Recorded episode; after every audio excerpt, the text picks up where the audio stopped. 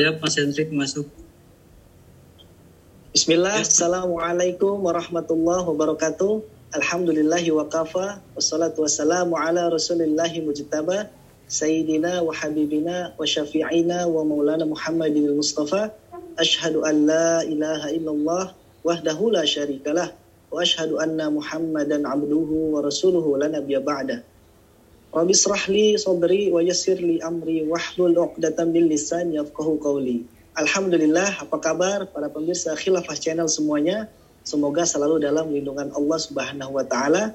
Semoga selalu dalam keberkahan dari Allah Subhanahu wa taala dan semoga di Ramadan kita yang kelima ini alhamdulillah kita telah menyelesaikannya dan insya Allah menuju Ramadan yang keenam kita selalu diberikan kita selalu diberikan kekuatan dan kemampuan untuk bisa sampai pada akhir Ramadan nanti untuk bisa merayakan hari Idul Fitri. Alhamdulillahirabbil alamin kajian spesial Ramadan kembali hadir menyapa Anda semuanya dengan kajian-kajian ilmu Islam ilmu-ilmu fikih, ilmu-ilmu Islam uh, seputar seputar puasa dan lain sebagainya. Alhamdulillah tema kali ini adalah terkait dengan antara tafakur dan takabur. Nah, ini adalah dua kata yang memang memiliki uh, perbedaan yang sangat tentara ya antara tafakur dan takabur. Yang mana tafakur itu adalah kalau yang saya ketahui itu adalah aktivitas kita dalam merenungi, berpikir terkait tentang uh, kekuasaan Allah, kemudian kebesaran Allah, kemahakuasaan Allah. Dan sebaliknya, takabur adalah aktivitas seseorang yang tidak atau yang menolak kebenaran daripada kekuasaan Allah dan kebesaran Allah Subhanahu wa taala. Dan saya tidak lupa mendoa, mendoakan kepada para pemirsa Khilafah Channel semuanya agar tetap semangat, agar Allah e, berikan semangat agar bisa tetap mendakwahkan e, syariah dan khilafah sampai titik darah penghabisan. Dan mudah-mudahan kita berdoa kepada Allah Subhanahu wa taala agar bisa melihat peradaban Islam tegak melalui khilafah ala bin haji nubuah. Baik uh, para pemirsa khilafah channel semuanya, bersama saya sudah terhubung guru kita yaitu Ustadz Ahmad Rusdan yang insya Allah beliau akan memberikan penjelasan terkait dengan tema antara tafakur dan takabur. Mudah-mudahan kita bisa menyimaknya, mudah-mudahan kita bisa mendapatkan ilmu dari beliau, dan insya Allah mudah-mudahan kita bisa mendapatkan keberkahan atas menuntut ilmu di malam hari setelah tarawih ini. Dan kita langsung sapa saja guru kita. Assalamualaikum warahmatullahi wabarakatuh. Ahmad Rusdan. Waalaikumsalam warahmatullahi wabarakatuh. Ya Akhi Hendrik, apa kabar? Alhamdulillah Rabbil Alamin. Antum gimana Ustaz? Sehat? Alhamdulillah Rabbil Alamin. Ya, tidak Ya Allah, boleh, ini tidak Ramadan. boleh mengeluh. Insya Allah ya, Ramadan yang kelima ini luar biasa ini. Alhamdulillah. ala Ustaz. Ini eh, saya tuh penasaran, mungkin juga para pemirsa Khilafah Channel juga sudah penasaran ini. Eh, perbedaan antara tafakur dan takabur dan penjelasan lebih lengkapnya mungkin bisa langsung dijelaskan kepada para pemirsa Khilafah Channel sekalian. Langsung saja kita tidak menunggu lama-lama, silakan Tafadul Masyura Ustaz. Ya, terima kasih. Jadi topik antara tafakur dan takabur ini emang topik yang sebetulnya dibilang sederhana-sederhana tapi dibilang kompleks juga kompleks ya tergantung bagaimana kita mau melihatnya. Jadi saya sebagai ilmuwan ini eh, dua kata ini memang sangat dekat dengan kita dengan profesi kita. Jadi mohon maaf kalau misalnya bahasan saya ini lebih yang ke arah latar belakang saya sebagai peneliti ya gitu. Kalau kita lihat o- operasionalnya, kalau kita bicara tafakur itu sebagai peneliti itu adalah pekerjaannya sebetulnya. Peneliti itu pekerjaannya itu pro- profesinya kita dibayar untuk berpikir. Coba bayangkan, berpikir dibayar apa enggak senang gitu ya. Jadi Insya Allah. tidak, tidak banyak aktivitas fisik eh, kita hanya dituntut untuk berpikir. Nah, di situlah perenungan di situ. Nah, kalau kita lihat eh, di penghujung ayat eh, Ali Imran ya, ayat eh, 31 eh, 3191 itu kan disebutkan mengenai ulil albab ya, ulil albab. Siapa itu ulil albab? Minasyaitonirrajim. Alladzina qiyaman wa qu'udan wa 'ala junubihim wa yatafakkaruna fi khalaqis samawati wal ard rabbana ma khalaqta hadza batilan subhanaka faqina adzabannar. Jadi eh, ini membicarakan mengenai ulil albab ya. Walaupun siapa sebetulnya ulil albab gitu kan dan sini dikatakan ulil albab itu orang-orang yang mengingat Allah ya yang mengingat Allah yadkuruna mengingat Allah sambil berdiri. Ustaz, kamu, kamu Ya. Oh kok unmute? Ya. Maaf. Jadi kalau kita ulang lagi mohon maaf tadi masalah teknis. Jadi kalau kita ingat siapa sih itu? Ulil albab gitu ya. Ulil albab itu adalah mereka alladzina yadkuruna Allah qiyaman wa qu'udan wa ala junubihim wa yatafakkaruna fi khalaqis samawati wal ard. Jadi mereka itu yang mengingat Allah yadkuruna Allah qiyaman sambil berdiri wa qu'udan eh, wa ala junubihim atau duduk atau dalam keadaan berbaring. Jadi kalau saya sebagai ilmuwan ya, kita ini mengingat Allah sebetulnya ketika kita berdiri di eh, bangku pen, apa bangku laboratorium gitu ya, melakukan eksperimen, kita sambil duduk melihat bawah mikroskop. Bahkan ketika kita istirahat pun kita masih mikirin penelitian. Penelitian terkait apa? Ciptaan Allah, gitu ya, ciptaan Allah. Dan di sini disambung wa yatafakkaruna fi khalqis samawati wal ard. Jadi kalau kita pikirkan lebih mendalam lagi ya. Jadi eh, salah satu ciri berpikir umat Islam itu yang yang ideal ya. Kita tidak hanya melihat apa yang nampak di mikroskop. Ya, di mikroskop itu kan benda goib. Ya, saya selalu dikatakan nih dokter ilmu goib karena kalau ini namanya kuman virus itu kan nggak kelihatan ya. Karena terlalu kecil gitu. Tapi seharusnya kita bisa melihat di balik kuman itu apa gitu. Kok bisa sangat kompleks gitu ya. Bagaimana kuman yang sangat kecil ini bisa nyusahin makhluk yang jauh lebih besar daripada mereka ya. Bahkan kalau misalnya saya lihat seandainya kita kecilkan kita kecilkan tubuh kita seperti kuman ya. Kita kecilkan tubuh kita seperti kuman sangat kecil gitu ya. Dan asumsi kita masih bisa melihat ya. Itu akan menarik kalau kita pikirkan apakah kuman itu masih bisa melihat kita sebagaimana sosok kita sekarang? Jadi kalau kita bayangkan sedikit ya kita bayangkan sedikit seandainya tubuh kita kita miniaturkan dalam bentuk yang sangat kecil ya apakah nanti si kuman atau kita versi kuman ini masih bisa melihat Mas Hendrik dengan porsi tubuh seperti ini. Kalau kita pikirkan, nampaknya tidak. Karena ketika kita dalam komposisi yang sangat kecil, kita hanya bisa melihat apa yang di depan kita. Susah bagi kita untuk mengapresiasi bagaimana sebetulnya Pak Hendrik ini. Mas Hendrik seperti apa? Mungkin kita hanya melihat ujung rambut akar selnya Mas Hendrik saja. Tapi tidak bisa menyelami bahwa Mas Hendrik itu ternyata makhluk yang sangat besar, punya kacamata besar, gitu kan, rambut yang sangat hitam, misalnya seperti itu, nggak bisa. Jadi sebetulnya ya kalau kita pikirkan, kalau kita mengatakan ya, wiyatafakaruna fi khalaqis samawati wal ard, kita perhatikan, kita pikirkan, kita tafakur langit dan bumi, langit yang sedemikian besarnya saja yang kita sudah merasa wow gitu ya. Dan kalau kita ini sendirian ya di apa semua galaksi kita ini memang betul bahwa kita ini mungkin tidak bisa mengapresiasi Allah itu seperti apa nggak bisa. Karena apa? Jangankan Allah. Kalau kita bayangkan kita sebagai makhluk yang sangat kecil tadi itu kita melihat manusia pun kita nggak bisa menggambarkan. Karena kita terlalu kecil. Paham ya mas saya? Tapi kita malah Ya. bisa melihat yang sangat kecil tapi kalau yang kecil belum tentu bisa melihat yang besar gitu Makanya kalau kita kita perhatikan ya dari keseharian ya di sinilah yang namanya pentingnya berpikir secara eh, mendalam ya. Eh, kalau kalau di kitab-kitab pengajian itu namanya fikrul mustanir. Jadi yang bisa connecting the dots. Nah memang eh, ilmuwan pun juga ada ada ininya ya, ada kelasnya juga. Ilmuwan yang baru training pertama kali pasti beda lah kelasnya dengan ilmuwan yang sudah senior. Kenapa? Karena kalau ilmuwan yang masih eh, masih awal dia melihat fenomenanya itu masih terlalu dangkal.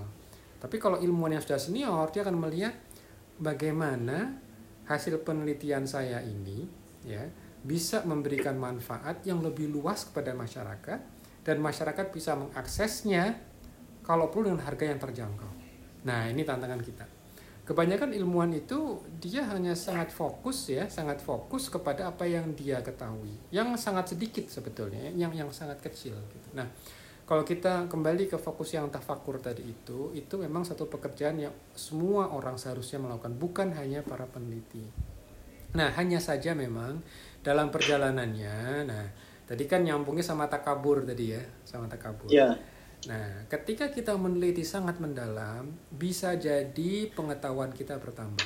Bisa jadi, karena kita mungkin eh, berada di apa yang disebut dengan uh, cutting edge dari satu pengetahuan. Jadi menarik sebagai peneliti itu kita tidak hanya menguasai apa yang ada di buku ajar, tetapi di titik di mana buku ajar pun belum tahu. Nah, istilahnya hanya kita dan Allah yang tahu. Nah, di titik itulah, di paling tepi jurang apa ilmu pengetahuan, kita mungkin menemukan sesuatu. Nah, dalam titik itu, dalam titik itu bisa jadi kita merasa lebih tahu daripada orang-orang lain. Nah, di sinilah yang namanya ada yang namanya takabur. Kenapa? Karena kita merasa paling tak tahu. Gitu. Maka kalau kita kalau kita perhatikan ya, kalau kita perhatikan ilmuwan yang baik, ilmuwan yang baik itu sebetulnya malah kalau ditanya dia akan mengatakan saya memang tahu banyak, tetapi saya juga banyak tidak tahu. Tahu mas saya? Jadi dia tidak berhenti mengatakan hmm. saya tahu banyak, tidak. Tapi saya juga tidak banyak tahu. Karena dia betul-betul melihat, meyakini dirinya, dia itu uh, apa berada tadi di ujung ujung ilmu pengetahuan dan dia tahu di depan sana masih banyak yang yang gelap. Nah hanya saja kan saya sudah katakan ilmuwan itu ada kelasnya, ada kelasnya apa? yaitu kalau masih awal ya ngajinya masih pertama kali gitu kan wah sangat sangat euforia gitu kan. Wah merasa oh paling tahu nih gitu kan. Lalu lalu ketika dinasehati lo enggak ini ini sudah pakemnya seperti gini. Nah istilah namanya perlu jam terbang. Jadi Ramadan ini sebetulnya kalau kita lihat ini waktu yang sangat bagus sebetulnya untuk merefleksikan. Karena apa? Karena kita kita mungkin yang sudah berislam ya sejak lahir gitu ya. Kita sudah istilahnya sudah khatam lah buku-buku fikih dasar gitu kan. Jangan sampai juga ketika nanti ada orang baru nih mualaf baru dua hari masuk Islam menasehati kita. Apa yang terjadi? Yang terjadi adalah ego kita kan? Iya. Siapa elu gitu kan? Lebih lamaan saya iya. nih Islamnya daripada elu gitu nah di sinilah ada ya ujian Allah. itu ada ujian ya kembali kita tafakur lagi ya apa betul kita tahu semuanya dan sebetulnya untuk mengatakan tidak tahu itu tanda kedalaman ilmu sebetulnya. Ini kalau saya selalu mengidolakan kata-katanya Imam Malik gitu. Imam Malik, Imam di Madinah, kalau nggak salah ceritanya adalah uh, beliau kedatangan tamu dari Syam. Kedatangan tamu dari Syam dan seperti biasa berkonsultasi mengenai masalah fikih. Nah, nampaknya satu pertanyaan yang beliau agak susah untuk menjawabnya. Beliau juga tidak tahu jawaban yang bagus seperti apa. Lalu dia bilang, "Ma'adri, saya tidak tahu. Tapi justru yang menarik adalah respon dari tamu ini. Loh, oh. saya ini jauh-jauh dari Syam untuk ketemu Anda ya Syekh gitu kan, ke Madinah. Masa jawabannya antum tidak tahu tuh gimana ceritanya? Imam ini mengatakan, ya sudah, katakan kepada seluruh penduduk Syam, Imam Malik tidak tahu apa-apa gitu. Jadi apa ya di dalam medsos seperti ini sekarang itu kan Pertama, orang sudah jarang tidak menggunakan ini ya identitas asli, betul nggak? Hanya yeah. bikin akun-akun apa yang propiknya juga mungkin ampelan dari Google apa gimana kan? Kalau gambarnya perempuan belum tak belum tentu itu perempuan loh, jadi dia laki-laki. Gambarnya laki-laki dan sebenarnya dia perempuan. Nah, banyak ketidakjujuran. Dan di balik ketidakjujuran tadi itu mudah sekali mereka berargumentasi. Nah, di situlah ya di situlah rekan-rekan sekalian coba ini Ramadan jadilah diri kita sendiri kalau memang tidak tahu ya katakan tidak tahu dan mungkin Allah memang memberikan sebagian ilmu kepada kita ya kita menjadi satu atau mungkin adalah apa ya semacam amanah sebetulnya. Ilmu itu kan amanah. Jadi ketika kita memang profesi kita sebagai seorang yang berpikir bukan hanya peneliti banyak sekali profesi itu dia tidak banyak melakukan aktivitas fisik. Dia hanya memberikan kata-kata saja gitu ya. Sama seperti para ulama kita itu kan hanya dengan kata-kata saja. Dengan berpikir tidak banyak aktivitas fisik. Dan banyak dari mereka juga dihargai dengan eh, penghargaan yang sangat luar biasa ya tidak hanya dari sisi materi tentunya. Tapi hati-hati karena apa? Ada kalanya kita diuji. Nah, kalau misalnya dosen senior sudah guru besar tahu-tahu ada mahasiswa anak baru gitu ya bertanya sesuatu yang mungkin kesannya seperti me, apa namanya merendahkan kita gitu ya. Kita jangan terlalu langsung marah. Biarkan. Dan ini ujian gitu. Karena apa? Justru di balik pertanyaan yang nyeleneh itu kita dapat inspirasi juga gitu. Dan itu memang tidak mudah kenapa? Karena pada dasarnya manusia itu kan punya insting ya punya apa yang disebut dengan satu bakok nah ini hati-hati. Insting ini ini membuat orang itu maunya itu apa ya? Dia eksis kan maunya itu untuk di di apa dihargai gitu. Nah ini kok seakan-akan kayak dilecehkan gitu. Nah ini banyak sekali. Kayak kita bicara mengenai covid gitu ya mengenai covid. Ini sebagai contoh. Banyak sekali sekarang uh, uh, publik ya rakyat biasa uh, netizen biasa yang saya yakin tidak memiliki background di biologi molekuler itu sudah mulai membaca buku-buku mengenai PCR. Nah, dengan PCR itu mungkin karena ilmunya setengah matang gitu ya. Lalu berpikir, wah PCR ini ternyata sebetulnya cuma akal-akalan elit global. Nah, ketika berdiskusi dengan saya, di mana kerjaan saya tiap hari melakukan PCR, mereka banyak melakukan itu, tentu saya kan merasa dilecehkan juga sebetulnya, ya kan? Iya. Tapi saya ingat Allah itu memberikan sebagian kecil aja ilmunya kepada saya gitu kan. Saya mungkin dengan mudah akan juga men, apa ya kalau orang Jawa itu memites gitu ya istilahnya kamu siapa sih gitu kan jauh saya lebih senior. Nah di situlah ujian buat saya bukan buat dia buat saya justru saya harus mampu menahan diri karena apa kalau orang tahu jangan dipites kalau orang nggak tahu, hmm. jangan dihancurkan, jangan ditaklukkan dengan eh, kalau orang Jawa bilang apa ya, meluruk tanpa bolo, gitu kan, kalah tanpa iya. ngasorake. Yeah. Apa itu? Saya coba silakan diterjemahkan itu. Jadi nggak usah ngajak rame-rame, ngebully rame-rame, nggak usah. Satu lawan satu. Dan jangan sampai nggak harus sampai menghancurkan menghancurkan pribadinya. Gitu. Ini sebetulnya kalau medsos ya, kalau dianggap sebagai latihan untuk latihan mental itu bagus tapi kalau medsos kita merasa senang bisa mengalahkan seseorang, apalagi like-nya kita banyak, hati-hati. Itu data kabur sih. Ya, karena apa? Berarti kita ya, kita melakukan itu sama sekali bukan lillahi ta'ala, tapi lillahi ego sebetulnya. Supaya individu oh. kita sebagai eksis. Nah, hati-hati. Nah, jadi jangan sampai tafakur kita. Upaya kita dalam memahami ciptaan Allah, ya kan? Tetapi justru berujung menjadi takabur itu karena emang itu eh, transisinya itu tipis kita sama sekali mungkin nggak terasa itu. Nggak terasa. Dan saya alami juga. Saya alami terus terang. Dan terus terang sampai sekarang pun saya masih struggling. Makanya alhamdulillah kita dipertemukan dengan Ramadan ya. Dipertemukan dengan Ramadan gitu kan. Untuk uh, Pak Ahmad itu siapa sih gitu kan. Pak Ahmad itu bukan siapa siapa. Pak Ahmad juga masih belajar gitu. Dan Pak Ahmad lagi belajar bagaimana kita bisa mencerahkan orang tanpa membuat orang itu merasa kayak dikecilkan Nah, kalau justru uh, misi misi Nabi kita Muhammad Shallallahu Alaihi Wasallam itu bukan mengecilkan orang, bukan mengendalikan orang, tapi bagaimana menaikkan derajat umat. Nah itu. Kalau ada umat yang tidak tahu, bukannya terus dibully. jangan, jangan dibully, dicerahkan. Mungkin pengetahuan mereka baru sampai segitu, mungkin gitu kan. Dan siapa tahu mungkin cara kita. Nah ini hati-hati ya cara kita. Ini tidak hanya untuk sains, bahkan juga untuk ilmu agama, ilmu sosial gitu. Mungkin cara kita, ini cara kita bagaimana kita menceritakan atau mungkin kita bisa melihat perspektif yang selama ini kita tidak tahu. Ya, selama ini kita tidak tahu. Dan itulah yang mungkin ini sebagai contoh-contoh saja ya Mas Hendrik ya. Tapi silakan ya. kalau misalnya ada perlu digali lagi. Masya Allah ini luar biasa ini karena uh, Ustadz Ahmad Rusdan ini memang Insya Allah pakar biologi molekuler ya. Jadi memang penjelasannya itu memang ya secara inilah ya, secara logis, secara biologis gitu seperti itu ya. Nah ini Ustaz, saya mau nanya nih Ustaz, terkait dengan tadi yang Antum sebutkan. Berarti niat kita bertafakur itu harus benar ya gitu ya?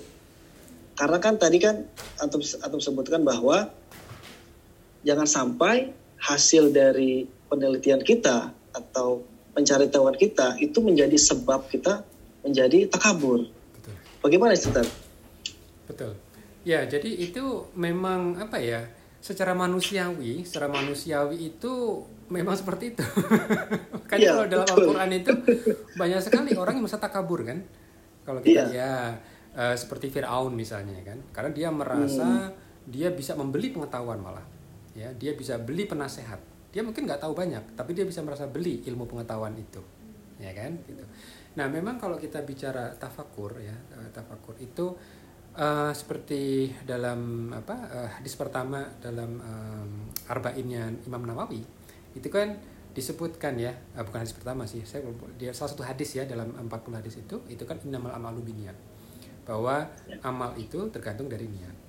Dan uh, tafakur itu juga bagian dari amal ya amal yang mungkin tidak terlihat ya tidak, tidak bukan amalan fisik tapi itu ada proses berpikir gitu proses berpikir nah proses berpikir ini ini dalam merenungkan itu betul-betul harus hati-hati karena banyak juga sama-sama merenung tapi satu niatnya untuk mencari kebenaran untuk melihat apa sih kebenaran itu tapi ada juga niat yang lain mereka merenung oh. juga tapi mereka merenung bagaimana mengalahkan lawan bicara. Bagaimana oh. nanti berikutnya ya, uh, karena masih tiktokan gitu ya di Twitter, tiktokan di apa namanya di medsos gitu ya. Mereka jeda yeah. sebentar, tapi merenungnya itu bagaimana saya bisa menghancurkan mereka. Oh iya iya iya. iya. Hati-hati, karena Allah. Imam Ali radhiyallahu an, ya dalam satu hmm? pertempurannya dalam medan jihad, dia berakhirnya berhasil menundukkan musuh. Tiba-tiba ketika musuh sudah tersungkur, musuh ini meludahkan ya ludahnya ke Imam Ali. Imam Ali pedangnya sudah terayun. Itu ketika terayun itu satu tebas selesai itu. Yeah. Tapi ketika dia diludahi apa yang terjadi? Justru dia menghentikan kan. Karena Imam Ali tidak yakin saya nanti akan menebas musuh saya ini itu karena demi ego saya yang diludahi atau karena ini masih murni dalam pertempuran uh, jihad fisabilillah gitu. Nah, yeah. ini ini ini hal ini penting sekali. Sama-sama berpikir, sama-sama merenungkan. Tapi merenungnya itu untuk mencari kebenaran. Ya kan? Jadi di situ ujungnya adalah untuk apa? Subhanallah, Allah ini menciptakan semua ini tidak sia-sia.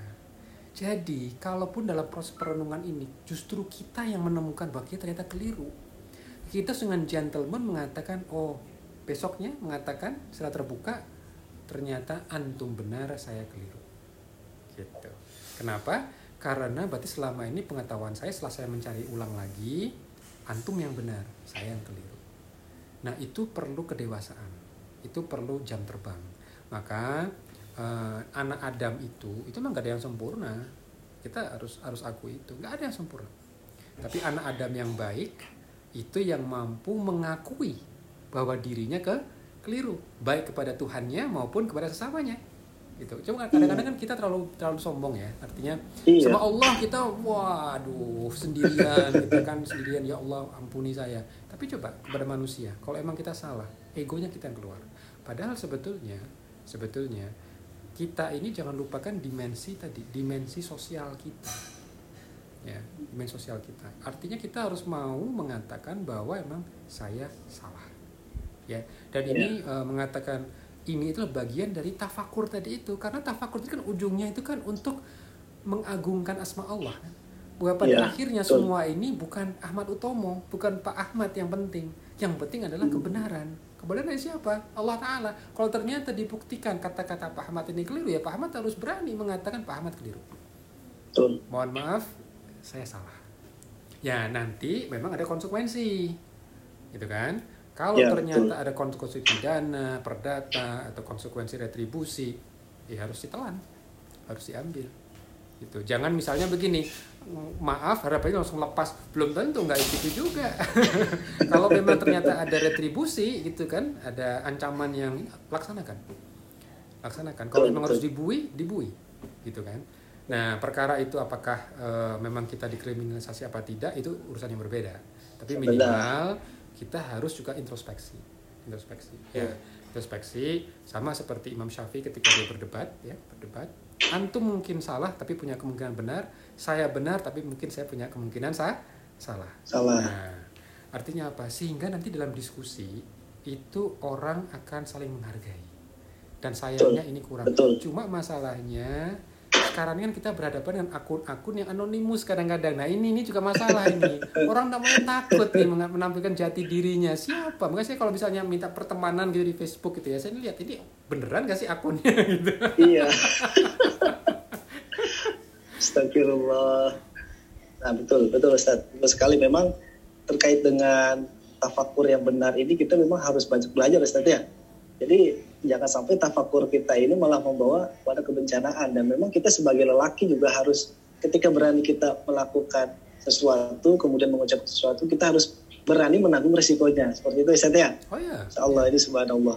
Nah jadi tadi saya mendengar antum menjelaskan terkait dengan uh, gorizah gitu gorizah pako yang mana ini ada kaitannya dengan tadi emosi kemudian ego dan sebagainya itu boleh dijelaskan sedikit Tad, terkait dengan bako antara hubungannya bako dengan uh, tafakur dan apa uh, takabur ini Ya, ya ini sebetulnya memang kaitannya dengan personalitas ya, dengan uh, kepribadian sebetulnya, kepribadian kita Hmm. sebagai orang Islam. Kadang-kadang kan kalau kita bahas apa sih kepribadian Muslim itu gitu kan. Memang tafakur itu adalah salah satu uh, cerminan seorang Muslim sebetulnya, aktivitas orang Muslim. Tapi ini dari mana asalnya? Asalnya karena kita harus tahu dulu apa sih itu kepribadian gitu kan. Kepribadian itu kan sebenarnya gabungan dua hal antara uh, pola sikap dan pola pikir gitu kan. Nah, pertanyaannya kita juga eh, perlu tahu di samping tadi ya, di samping insting untuk mem- membela diri gitu ya, kita kan juga punya eh, insting untuk apa ya, eh, untuk eh, beribadah gitu kan, dan juga beribadah itu mengagungkan sesuatu yang lebih besar daripada kita.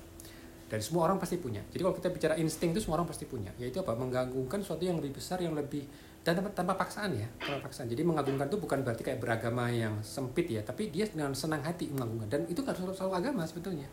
Jadi ada orang nggak percaya agama, tapi dia menuhankan misalnya eh, partainya misalnya. Dia menuhankan sesu- sesuatu yang dan dia melakukannya dengan senang hati. Seseorang mengkultuskan seseorang dan dia melakukan dengan senang hati. Nah itu, itu semua insting tadi itu ada, ya kan? Lalu juga ada insting untuk eh, mempertahankan kelestarian keturunan gitu ya. Nah insting ini, insting ini kan perlu di, dipuaskan, ya. Di samping juga ada yang namanya hajat, makan, minum, tidur gitu kan. Itu harus di, dipenuhi gitu ya. Nah ini kan pemenuhan-pemenuhan antara insting dan hajat tadi itu kan perlu solusi kan. Nah solusinya itu pakai apa gitu.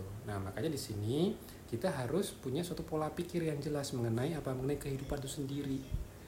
Kehidupan ini itu dari mana sih kita berasal, ke mana sih kita akan pergi, dan hubungannya antara kehidupan sekarang sama nanti kalau ada kehidupan, kalau ada ya, kalau emang ada, Ya. ada hubungannya apa enggak? Nah, ini harus harus diselesaikan dulu ini, selesaikan dulu, harus selesaikan dulu. Karena kalau kalau enggak, nah itu masalah itu, gitu.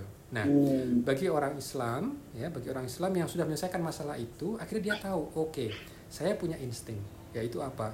Eh, ego saya. Harus saya puaskan. Tapi saya juga tahu cara memuaskannya itu ternyata nanti ditagih di akhirat. Nah, Hmm. jadi kalau Iya, misalnya saya iya, punya ego tapi cara saya adalah dengan merendahkan orang lain saya harus langsung ingat eh ternyata masih ada langit atas langit. Siapa saya saya mungkin bisa memenangkan pertarungan tapi dengan mencel, apa menyakiti hati sekian banyak orang. Untuk apa begitu saya menang? Ya kan? Nah makanya Ya. bagus juga nih kalau filosofi filosofi Jawa itu ya menang tanpa ngasorake gitu. Jadi artinya apa? Kita ini berusaha mencerahkan bukan untuk individu kita. Nah dengan demikian apa? Kita jadi tahu fokus kita adalah nanti akhirat. Gitu sehingga nanti cara kita me- menyelesaikan masalah insting tadi itu juga sesuai dengan apa yang kita pikirkan mengenai kehidupan itu sendiri. Gitu. jadi emang ini Hmm. harus harus dibangun dari awal ya itu dari bangun dari awal. Eh, mengenai apa itu kepribadian seorang muslim itu. Dan ini kalau dipahami secara benar insya Allah akan lahir secara alami. Alamiah.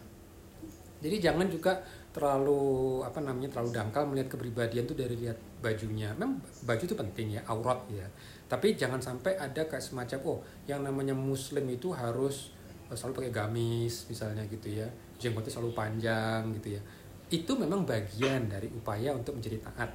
Tetapi kalau misalnya orang nggak jenggotan, gitu ya, usah dikatakan oh kamu kurang islami gitu. Kalau usah dikatakan seperti itu juga gitu ya.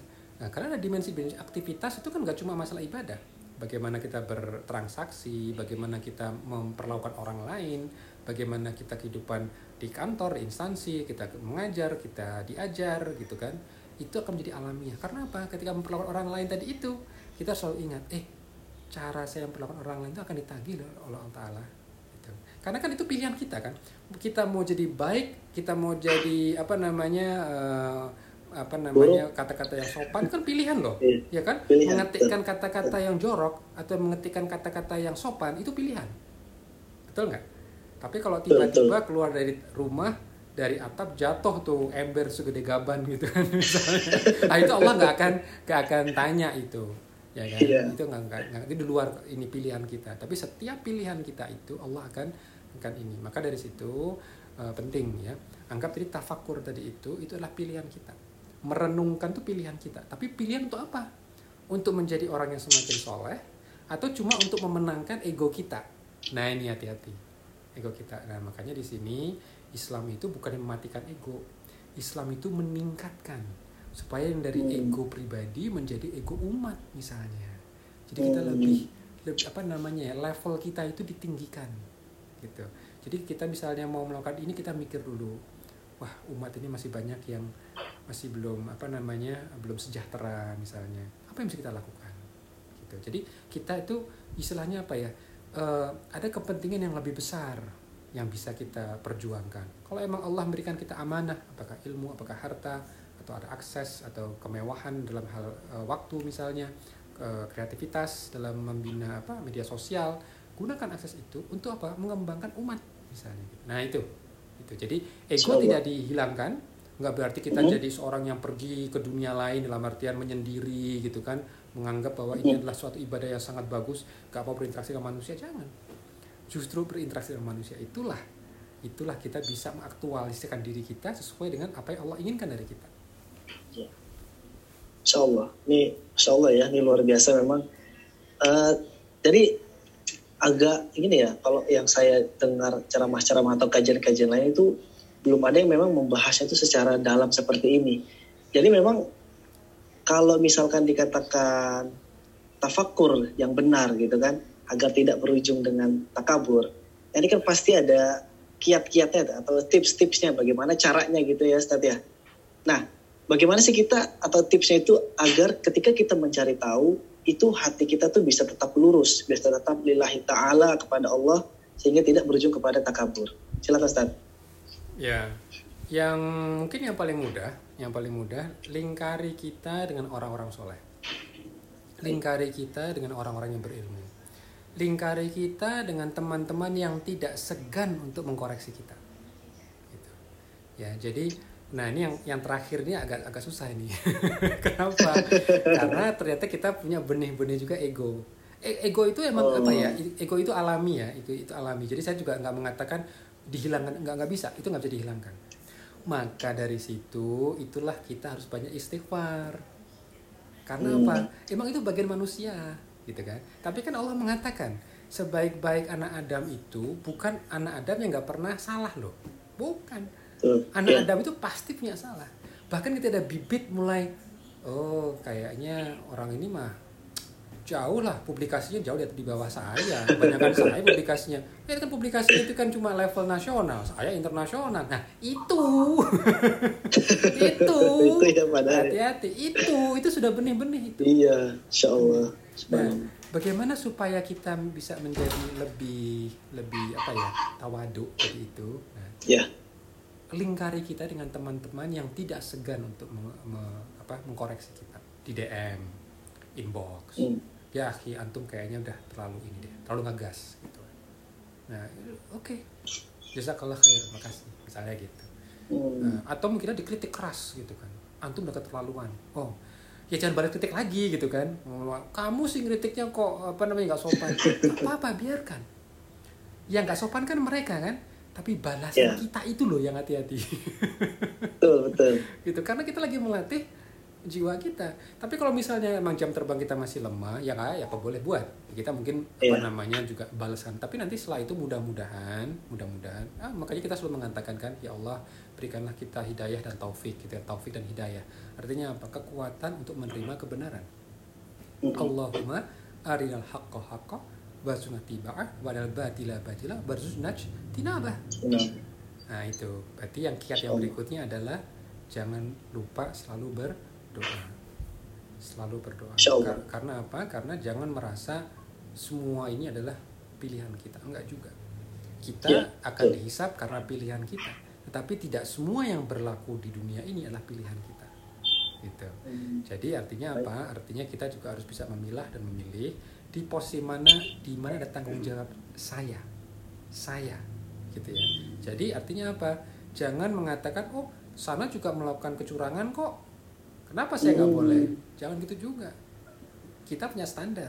Umat Islam itu punya standar. Misalnya kalau zaman covid ini gitu kan semua taat prokes. Eh ternyata ada nih teladan yang tidak taat prokes. Kita jangan mengatakan kok di sana nggak nggak nggak ini apa namanya nggak taat prokes? Kalau gitu kita nggak usah taat prokes lah. Jangan. Jangan seperti itu. Mereka yang tidak taat prokes itu melakukan kesalahan. Tapi kita tetap harus taat prokes. Karena apa? Karena Allah Taala sudah memberikan ilmu kepada kita bahwa covid ini penyebarannya begini begini kita harus pelajari ilmunya gitu ya. Apa artinya di sini? Artinya adalah umat Islam itu lebih tinggi standarnya. Orang lain berkata jelek, kita usah ikut-ikutan jelek. Mereka maki-maki kita, tidak boleh maki-maki. Kita lebih tinggi. Nah, itu harus harus kita ingat. Karena apa? Kembali ke tadi itu kan, tafakur ya. tadi itu ketika kita akhirnya banyak merenungi, banyak melihat gitu kan, bahkan mungkin serang nggak sadar, oh ternyata mereka itu banyak salahnya ternyata, gitu kan. Hmm. Nah, berarti kita harus berpikir, bagaimana caranya membuat dia tersadar tanpa harus mereka merasa egonya yang ter tersentil. Buat saya itu susah. Saya juga masih belajar itu gimana caranya? Karena insting kita begitu kita menemukan oh ternyata setelah saya renungi gitu ya itu kesalahan itu fatal sekali. Tapi bagaimana untuk mengatakan dengan bahasa yang artinya bisa lebih halus gitu ya. Itu susah. Hmm? terus terang susah. Saya juga artinya apalagi kalau sudah udah udah keburu ngomong ya like-nya banyak banget. Ah, astagfirullahaladzim itu yang namanya setan nih. Oh kamu bagus kamu bagus kamu bagus. Hati-hati hati-hati ya. Karena di situlah anda telah membunuh saudara anda. Dia dengan banyak pujian-pujian tadi itu. Nah ini juga ini ujian juga ya. Dengan tafakur hmm. kembalikan lagi apakah kita untuk memenangkan ego kita ya kan? Atau sebetulnya kita memang masih berpegang pada kebenaran. Bersikap adil itu menjadi penting. Nah jadi uh, jam terbang lingkari kita dengan orang-orang baik. Orang-orang yang kita bisa jadi panutan gitu ya. Artinya apa? Mereka saja yang ilmunya jauh lebih banyak daripada kita mereka masih bisa woles kok. Kenapa saya jadi harus ini ya? Apa namanya? Jadi emosional gitu kan? Nah itu. Itu apa namanya uh, satu hal yang yang mudah gitu.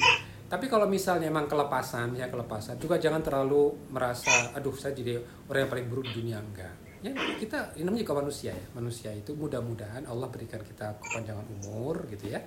Dan uh, umur yang itu ya kita harus ingat-ingat ya. ya. bahwa ternyata kita pernah hilaf gitu. Betul, betul. Masya Allah ini luar biasa ya. Alhamdulillah ini dapat pencerahan nih saya dari Anto Ustaz. Syukur Ustaz. Jadi memang tadi adalah tipsnya adalah lingkari kita dengan orang-orang yang soleh dan berilmu. Kemudian banyak istighfar ya Ustaz ya agar kita tidak agak atau kalau misalkan saya boleh apa namanya katakan istighfar itu adalah penangkal daripada bisikan setan yang tadinya kita mau menyombongkan diri atas pengetahuan yang kita dapat dengan istighfar kita bisa turunkan. Baik, uh, uh, para pemirsa Ilava Channel, silahkan yang ingin bertanya langsung saja bisa di komen di live chat kita. Dan ini Alhamdulillah saat sudah ada beberapa pertanyaan yang masuk dari pemirsa ini. Saya bacakan satu persatu. Ini dari Pak Basit Ade dari Bogor Utara, Insya Allah ini. Ustadz mohon izin tanya, dalam hal tafakur, apakah ada waktu tertentu atau harus setiap hari? Setelah tafakur, tanda-tanda orang menjadi takabur, ciri-cirinya bagaimana? Nah, ini tak mungkin ini memang pertanyaan juga. Ini saya juga pengen menanyakannya, cuman sudah diwakilkan Mas Wasit ini. Silakan Ustaz. Ya. Tafakur itu bisa dalam berbagai posisi di berbagai waktu. Ya. Yang penting kita ada fokus. Ada hmm. fokus. Bahkan kalau kalau kita tinggal di Jakarta misalnya ya, suasana macet itu justru waktu yang paling indah untuk melakukan tafakur pikir. Masya allah ya betul. Jadi nggak usah disumpahin. Wah ini macet nih. Orang di orang depan kita nyerobot gitu kan. Daripada kita ngabisin energi kita gitu ya untuk disumpahin balik gitu kan. Kita coba tafakur tadi itu. Merenungkan kilas balik. Tadi itu saya melakukan apa. Memang kalau saya sebagai ilmuwan ya terus terang eh, banyak yang saya pikirkan itu masalah penelitian ini kenapa ya sih kok hmm. gagal? Gitu ya. Kenapa sih dia itu kok nggak bisa ngerjain dengan benar? Gitu kan. Apakah dia kurang training? misalnya. Kalau dia kurang training solusinya seperti apa? Tapi apakah itu menjamin itu akan misalkan masalah? Nah itu kan saya sebagai kepala laboratorium kan harus memikirkan itu juga. Anak buah kok nggak berhasil terus nih eksperimennya gitu. Nah tapi dalam memikirkan itu saya juga memikirkan bagaimana supaya aktivitas perenungan kita juga Allah balas dengan pahala. Yaitu memastikan apa? Bahwa apa yang kita akan gunakan apa yang akan kita pikirkan itu niatnya lillahi ta'ala. Enak apa gak enak itu? Coba kita bekerja sifatnya mungkin duniawi gitu kan? Bagaimana kita capai target sales gitu ya. Tapi kita juga mengembangkan kepribadian seorang mengembangkan potensi seorang. Orang yang tadinya nggak tahu apa-apa menjadi suatu orang yang luar biasa itu jadi pahala juga. Itu merenungkan. Jadi merenungkan itu sebetulnya jangan selalu diartikan berzikir gitu. Itu juga penting. Waktu kita untuk mulai menghafal ayat Al-Quran itu luar biasa. Tapi juga jangan lupa kehidupan itu tidak hanya vertikal kan? Kita juga yeah. berinteraksi dengan orang. Atau misalnya kita tadi baru aja berdebat rapat di kantor emosi naik gitu kan? Nah ketika kita kembali ke mobil jalan macet kita merenungkan kembali. Tafakur tadi itu. Nah tafakur tadi itu apa? Kan meliputi seluruh ciptaan Allah Taala kan? Termasuk orang yang kita debat tadi itu loh. Itu kan ciptaan Allah juga itu sebetulnya. Iya ya kan? betul. nah di sini uh, perlu kita perluas gitu maknanya. Karena apa? Karena dari situ kita bisa memahami oh subhanallah. Jadi ini mungkin masalahnya mereka nggak ngeh. Atau oh kenapa dia tadi emosi? Karena cara saya menyampaikannya seperti ini. Ya wajar dia emosi. Gitu. Ya kan? Nah jadi uh, Nah, bagaimana tadi kiat-kiatnya tadi supaya kita nggak tergelincir ke tadi itu, kembalikan ke niat tadi itu. Niat kita tadi itu betul-betul apa? Supaya Allah hitung setiap detik amalan kita nanti, itu Allah akan hitung sebagai amal soleh. Jadi pikirkan ke situ. Itu mungkin lebih mudah untuk dilihat. Kalau kita bisa mengatakan, apakah apa yang saya lakukan ini membuat saya mendekat kepada Allah Ta'ala atau justru menjauh? Gitu kan. Apakah ini akan membuat saya menjadi muslim yang lebih baik atau saya juga hanya untuk menekan ego saya sendiri. Nah coba dipikirkan ke situ. Jadi hidroksilabilahnya nyambung. Jadi konektivitas kita dengan Allah Taala selalu nyambung. Gitu. Dalam segala macam transaksi. Karena apa? Tidak mungkin aktivitas manusia di dunia ini yang lepas dari dari agama sebetulnya. Agama kita agama kita kan gak hanya mengatur masalah masalah ibadah saja kan. Tapi bagaimana iya. kita berinteraksi dengan orang lain kan. Gitu. Nah memang saya mungkin sebagai ilmuwan lebih banyak porsi saya untuk mempelajari makhluk Allah, makhluk gaib tadi itu ya, virus, mm. terus bakteri, terus mungkin sel-sel yang mungkin teman-teman nggak bisa melihat, tapi saya ya kerjaan saya itu gitu kan genetik rekayasa genetik gitu kan. Bagaimana kita deteksi kanker misalnya yang mungkin masih kecil yang nggak kelihatan.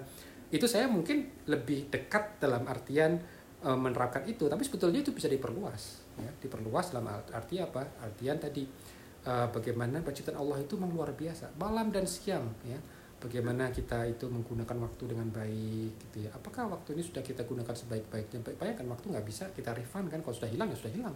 Gitu. betul. Alhamdulillah. Terima kasih Ustaz atas penjelasannya. Mudah-mudahan terjawab ya Pak Basit Ade dari Bogor Utara.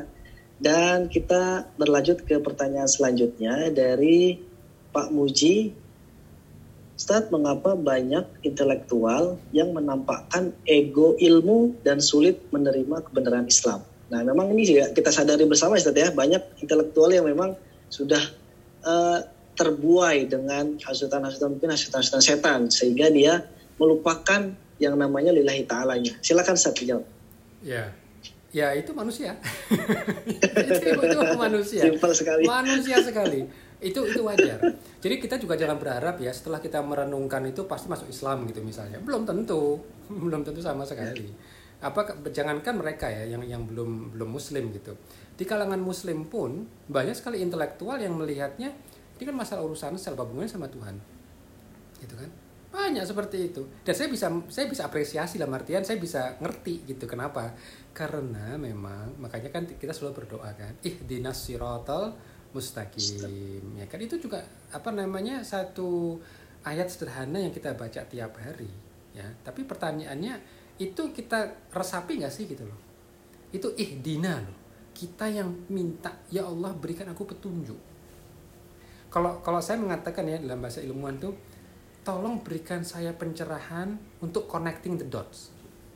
Kan kita kan banyak titik-titik. Titik-titik yang kayaknya kok yeah. random gitu kan. Tapi kalau kita bisa mengkoneksi antar titik itu akan ternyata jadi lukisan yang sangat menarik.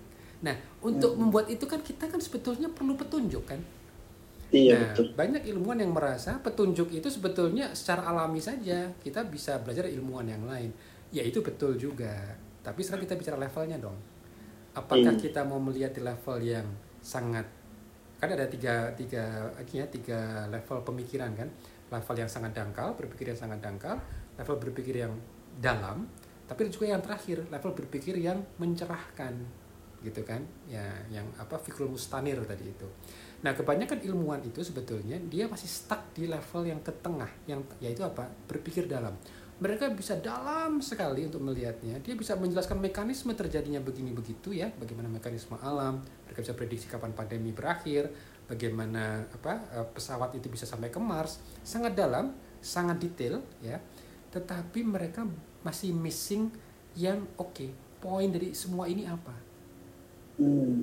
Nah, poin dari semua ini itu yang di Al-Qur'an di Ali Imran 191. Nah, untuk mendapatkan itu itu memang perlu kesungguhan yang lebih serius. Nah, tantangannya adalah banyak dari kita tidak punya kemewahan itu. Mereka sudah cukup puas di level yang tengah, berpikir mendalam. Tapi untuk connecting the dots yang lebih luas lagi, karena kan yang yang berpikir mendalam itu dia harus bisa me, apa namanya? mendapatkan jawaban. Nanti kalau ini semua sudah selesai, kalau akhirnya kita mati, itu nanti ada apa setelah itu? Kan itu masalahnya. Betul. Kalau ininya belum belum jelas, para ilmuwan ini akhirnya dia cuma sampai di level yang tengah tadi itu, berpikirnya mendalam. Jadi jangan dianggap yang namanya ilmuwan itu justru cara berpikirnya yang paling top. Enggak. Karena Pak Rasulullah Shallallahu Alaihi Wasallam itu bukan ilmuwan. Mereka tidak menemukan pesawat terbang loh. Bahkan mereka juga tidak menciptakan armada laut. Enggak. Tapi kenapa Islam kok sampai Indonesia? Iya. Artinya apa? Teknologi itu, kemampuan saintifik itu bukan kunci peradaban, bukan kunci pencerahan. Itu memudahkan kita, memudahkan kita untuk menyampaikan, mengkomunikasikan, membuat hidup kita menjadi lebih nyaman. Tetapi kan pertanyaannya adalah setelah kehidupan yang nyaman ini apa sih ujungnya? Gitu. Nah, di situlah kita Iya. perlu merenungkan itu di situ, connecting the dots tadi itu gitu ya nah itu perlu pemikiran tersendiri itulah yang Rasulullah itu berusaha ajarkan kepada kita kita ini untuk melihat apa the big picture kalau orang bilang nah tapi kalau ilmuwan Big picture. sekarang memang kebanyakan saya akui banyak teman-teman saya juga akhirnya stuck cuma di situ. Mereka melihat saya ini kayak orang apa ya mabuk agama mungkin di depan mereka mandang saya gitu ya. Tapi saya juga merasa kasihan karena berarti saya masih gagal untuk bagaimana mengkomunikasikan dan saya cuma struggling juga. Karena memang dalam hal ini saya nggak bisa bantu mereka. Yang bisa bantu mereka diri mereka sendiri. Mereka sendiri cuma bisa menemukan nah caranya macam-macam. Ada yang akhirnya kecelakaan akhirnya ter tercerahkan. Ada yang ternyata ada musibah. Atau ternyata mereka setelah melihat sesuatu yang luar biasa baru mereka tersungkur. Maksudnya dalam artian akhirnya betul-betul oh ini ya ternyata. Ada juga kan ilmuwan yang Hmm. akhirnya menemukan Islam ada juga. Memang saya nggak ingat atau siapa ya banyak tapi ada gitu kan. Nah artinya apa? Makanya kalau kita mengatakan yang sudah beragama Islam yaitu cuma resapi ihdina tadi itu ihdina siratal mustaqim itu di, di situ karena apa itu kalau kita bisa tangkap disulah kunci nanti kita bisa menikmati the sweetness of iman nah manisnya i iman Iman. Ya, jadi akhirnya Insya semua ini kayak semua puzzle-puzzle ini kayak nyambung semua gitu. Oh ya Iya, Allah ini. betul. Ya seperti misalnya nih, bagaimana sih belum manusia diciptakan gitu kan? Ini kan juga apa namanya kalau kita secara secara dangkal aja ya. Oh kalau Darwin mengatakan kita dari nenek moyang sama kayak monyet gitu ya. Eh, tapi dia pun juga mengatakan semua manusia diciptakan dari air misalnya minal ma gitu kan. Dari biologi molekuler juga kita, kita tahu kemungkinan yang paling pertama itu namanya molekulnya adalah RNA. Kalau saya jawabnya bagaimana? Itu justru pertanyaan saya nanti kepada Allah Ta'ala. Ya Allah, kalau seandainya ya, nanti insya Allah kalau bisa bertemu denganmu ya Allah, saya mau tolong diputerin dong videonya, gimana lu menciptakan semua ini gitu. Itu juga Hmm. luar biasa. Gitu kan. Iya betul. Nah, tapi kan ini akan pertanyaan seperti ini akan muncul kalau kita sudah settle dulu bahwa nanti ada hari pemba pembalasan Kembali. ya kan tapi Ya. kalau misalnya orang masih belum bisa menjawab dengan tegas ada nggak ya dia akhirnya stuck cuma tadi level intelektual yang sifatnya sangat mendalam tapi tidak mencerahkan gitu. Mm-mm. Betul betul. Insya Allah ini luar biasa ini. Jadi memang jawabannya adalah kenapa banyak intelektual yang menampakkan ego ilmu ya karena simpel sekali ya karena memang begitu manusia.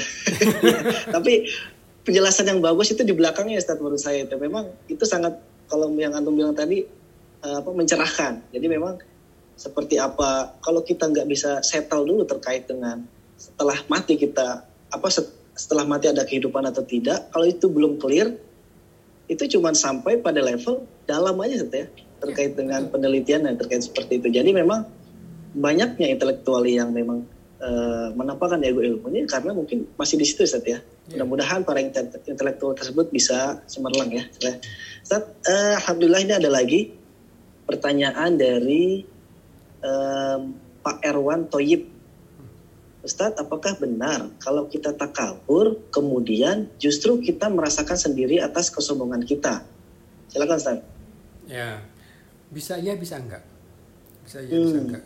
Artinya begini, ada eh, orang justru merasa setelah saya melakukan hal ini ternyata pendapatan makin tinggi, eh, jabatan tawaran jabatan malah makin banyak, followersnya langsung meningkat, gitu kan. Ini namanya istidraj. Gitu. Istidraj, ya. Hati-hati. Jadi yang hanya bisa mengerem itu memang diri kita sendiri justru kita harus mulai aware oh kok ini seperti ini ya ini apa ya ini ini ini benar-benar emang ini rahmat Allah Taala ya atau jangan-jangan ini ujian kan? La in syakartum la azidannakum kita makanya tadi ya rasa syukur itu tetap harus kita lakukan ya. Dan Allah berjanji Allah akan tambahkan. Tapi di sisi lain kita harus hati-hati juga. Apakah ini terjadi ketika justru saya membuat celaka orang lain? Ketika kita justru menyingkirkan orang lain? Kita mencelakai, menciderai ya perasaan banyak orang. Karena jangan lupa, orang-orang yang tercederai dan kita zolimi tanpa kita sadari, itu kan doanya makbul. Iya, Dan hati-hati, justru ketika kita dalam posisi akan-akan kita melangit, itu dihempaskannya juga nanti sangat menyakitkan. Hati-hati sekali. Maka, maka di sini tafakur kembali lagi. Renungkan lagi, ya Allah, kok seakan-akan dunia kok mudah banget ya seakan-akan kok apa namanya tapi bener nggak sih ini gitu kan ada yang salah nggak sih gitu nah makanya di sini penting juga tadi berinteraksi dengan kawan-kawan dari segala macam lapisan. Segala macam lapisan. Jangan ngerombol dengan orang-orang segolongan misalnya gitu. Jangan. Bikin teman pergaulan yang luas. Itu bukan bebas ya. Pergaulan yang luas gitu ya. Berarti ada norma-norma juga gitu kan. Supaya apa? Supaya nanti mereka juga jadi cermin. Mereka karena kawan yang baik itu adalah bukan kawan yang selalu mengiyakan kata kita bukan. Tapi yang mereka berani berkata depan kita bahwa kamu salah nah pilih kawan-kawan seperti itu. Ya artinya berimbang lah. Kan namanya juga perlu hiburan juga ya. Kalau kita disalah terus ya kita repot juga ya gitu. Tapi itu adalah cara kita cara kita sebagai manusia. Kita harus akui ya saya mungkin tepat salah. Tapi pi- poinnya adalah ketika nanti ternyata kita oh iya sadar gitu. Ada titik di mana kita sadar segera kita melakukan koreksi. Gitu. Yang melakukan koreksi. Jadi itu yang apa namanya mungkin bisa dicoba. Tapi jangan jangan salah ya saya masih struggling juga gitu. Struggling juga.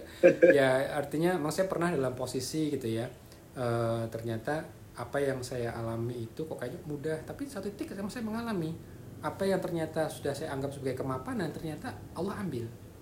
Gitu kan. Nah di situlah akhirnya saya juga mulai melihat oh apakah ada yang salah dari yang sebelumnya saya katakan? Karena kan eh, ujian atau apa eh, nikmat itu kan memang beda tipis juga ya. Makanya kita harus istilahnya kalau orang Jawa bilang itu harus tahu diri juga. Harus tahu diri. Iya. ya harus tahu diri. Jangan kayak merasa GR juga. Wow ini semua karena saya. Belum tentu. Belum tentu. Nah makanya dari sini gitu kan kita harus tadi harus peka harus sensitif gitu. Makanya tadi ketika apa namanya eh, setelah sholat kita banyak beristighfar gitu ya. Itu di situ tujuannya karena manusia itu kadang-kadang susah melihat tengkuknya sendiri kan? Nah itu. Nah, bahwa kita adalah makhluk yang banyak dosa gitu ya banyak salah lah gitu ya banyak salah ya harus selalu self correction itu penting. Insya Allah, Insya Allah ini luar biasa ini, nggak memang mencerahkan ya. Dan memang ini sepertinya pembahasan terkait dengan takabur apa tafakur dan takabur ini harus ada beberapa episode ya. Oh, enggak lah, bosan yang lain juga penting. Mudah-mudahan ya tadi. Karena memang kalau buat saya pribadi memang ini mencerahkan. Jadi tidak banyak di apa dibahas di kajian-kajian keislaman yang yang pada umumnya gitu kan. Jadi ini memang butuh memang uh, apa penyiapan pemikiran yang bagus juga nih agar bisa menyerap nih penjelasan-penjelasan dari antum. Ya. Dan uh, sebelum kita tutup boleh sedikit kesimpulan Ustaz dari tema kita hari ini. Silahkan. Ya, ya uh, rekan-rekan sekalian ya Mas Mas Hendrik saya juga terima kasih ya. nih bisa diberikan kesempatan untuk sharing gitu ya. Di bulan Ramadan ini gunakan sebaik-baiknya untuk merenung ya, merenung. Ya. Merenung itu uh, bagian dari sifat seorang muslim ya, yatafakkarun ya, mereka yang uh, merenungi. Merenungi apa? Macam-macam. Kalau Quran menyebutkan merenungi ciptaan Allah Taala. Langit uh, siang dan malam itu kita kita renungkan. Tapi sebetulnya perenungan itu tidak hanya yang tertera di situ. Ya kita hmm. renungi juga apa yang di bawah langit. Apa yang ada kita lihat dalam dalam siang ketika siang kita berinteraksi. Kita renungkan bagaimana interaksi kita selama ini karena dari situ memang nanti ada ilmu baru mulai muncul ada inspirasi baru yang muncul yang mungkin itu akan karena Allah telah meng, apa, membimbing kita karena prinsipnya begini kalau kita mendekat kepada Allah dengan merenungkan ciptaannya Allah akan mudahkan urusan kita juga ya kan? Karena niat kita tadi dari awal untuk apa untuk bahwa semua ini adalah ciptaan Allah yang luar biasa gitu. Nah hanya saja ketika nanti ilmu sudah mulai berdatangan gitu ya kita ternyata sangat mudah untuk misalkan banyak masalah jangan lupa mudah tergelincir ke arah takabur. Karena apa? Bisa jadi cuma kita di dunia yang paham. Mungkin cuma kita di kantor yang paham masalahnya. Ya kan? Lalu kita mulai uh, perangnya kita mulai merasa apa merasa benar sendiri, merasa paling pintar, merasa paling ya bisa jadi memang paling pintar bisa jadi sih. tapi tapi itu enggak bukan berarti menjadi alasan bahwa kita untuk bersikap sombong kan? Nah, maka takabur tadi itu harus kita hindari. Nah, kalaupun kejadian, ya sudah, jangan ulangi lagi, gitu ya. Karena manusia memang tidak bisa lepas. Oh, saya nggak mau takabur sama sekali, nggak mungkin. Karena yang namanya hati itu kan insting kan instan gitu ya, at detik sekali, terasa gitu. Nah, cuma ketika kejadian, walaupun sepersekian detik, segera nah, ingat. Nah, ya Allah, astagfirullah. Astagfirullah. Astagfirullah. Itu penting. Ya, jangan lupa. Nah, inilah musim Ramadan gitu kan. Dan kita selalu mengatakan kan uh, apa? Nas'aluka ridho kawal jannah. Ya kan kita selalu mengharap ridho Allah. Ya Allah. Ya, kalau ini kita apa kalau setelah tarawih ini betul-betul kita rasapi, ya insya Allah bisa kita minimal minimalisasi. Nah, gitu ya. Takabur tadi itu bisa kita minim syukur kalau uh, bisa kita ini ya, bisa frekuensinya sangat kecil gitu misalnya ya. Yang namanya manusia itu jangan jangan khawatir manusia tempatnya salah. Yang penting begitu kita keliru kita segera koreksi. Itu yang paling penting insya Allah insya Allah ini Jazakallah khair kasiran Ustaz Ahmad Rusdan atas penjelasannya atas kajian dan nasihat-nasihat yang diberikan. Mudah-mudahan antum bisa diberikan kekuatan untuk bisa Amin. menyelesaikan Ramadan sampai akhir dan mudah-mudahan antum sekeluarga diberikan kesehatan dan keberkahan oleh Allah Subhanahu wa taala setiap hari ya. Saat ya. Baik eh, pemirsa Khilafah Channel yang dirahmati Allah Subhanahu wa taala, kita telah tiba di ujung acara dan tak lupa saya ingatkan bahwa kajian spesial Ramadan ini insya Allah akan hadir setiap hari di jam yang sama yaitu jam setengah 8 malam atau jam 20.30 waktu Indonesia Barat. Yang insya Allah tema besok akan diisi oleh Kiai Yasin Mutohar dengan tema doa yang tak sampai ke langit. Nah ini insya Allah juga mudah-mudahan kita bisa uh, terus ikuti kajian spesial Ramadan sampai akhir nanti karena ini adalah salah satu ibadah yang penting juga yang perlu kita yang perlu kita ikuti di bulan Ramadan ini. Jadi selain daripada ibadah-ibadah tarawih, tadarus dan sebagainya, kita juga berkewajiban untuk menuntut ilmu. Dan kita akhiri dengan membaca hamdalah dan doa penutup majelis. Alhamdulillahirabbil alamin. Subhanakallahumma wa bihamdik asyhadu an la ilaha illa anta astaghfiruka wa atubu. Akhirul karam. Wassalamualaikum warahmatullahi wabarakatuh. Waalaikumsalam warahmatullahi wabarakatuh. Oke Mas, aman. Oke, Ah, alhamdulillah. alhamdulillah. Syukran Ustaz Ahmad. Ya. Afan kalau Matur nuwun ya, Ustaz. Oke, sami-sami. Ah, Alhamdulillah lancar insya Allah. Saya izin pamit ya. Oke, Oke, Ustaz. oke, matur nuwun Ustaz Ahmad. Oke, sami-sami. Monggo eh, Pak Hendrik, Ustaz Hendrik. Oke, oke. Oke, assalamuallah Yo, yo, Mas. Ya. Warahmatullahi. Salam, Abdullah. Sedikit aku juga pamit ya. Oh, Mas Sigit ya. Mas Sigit. Oke, oke. Oke, suwun. Betul. Itu monggo.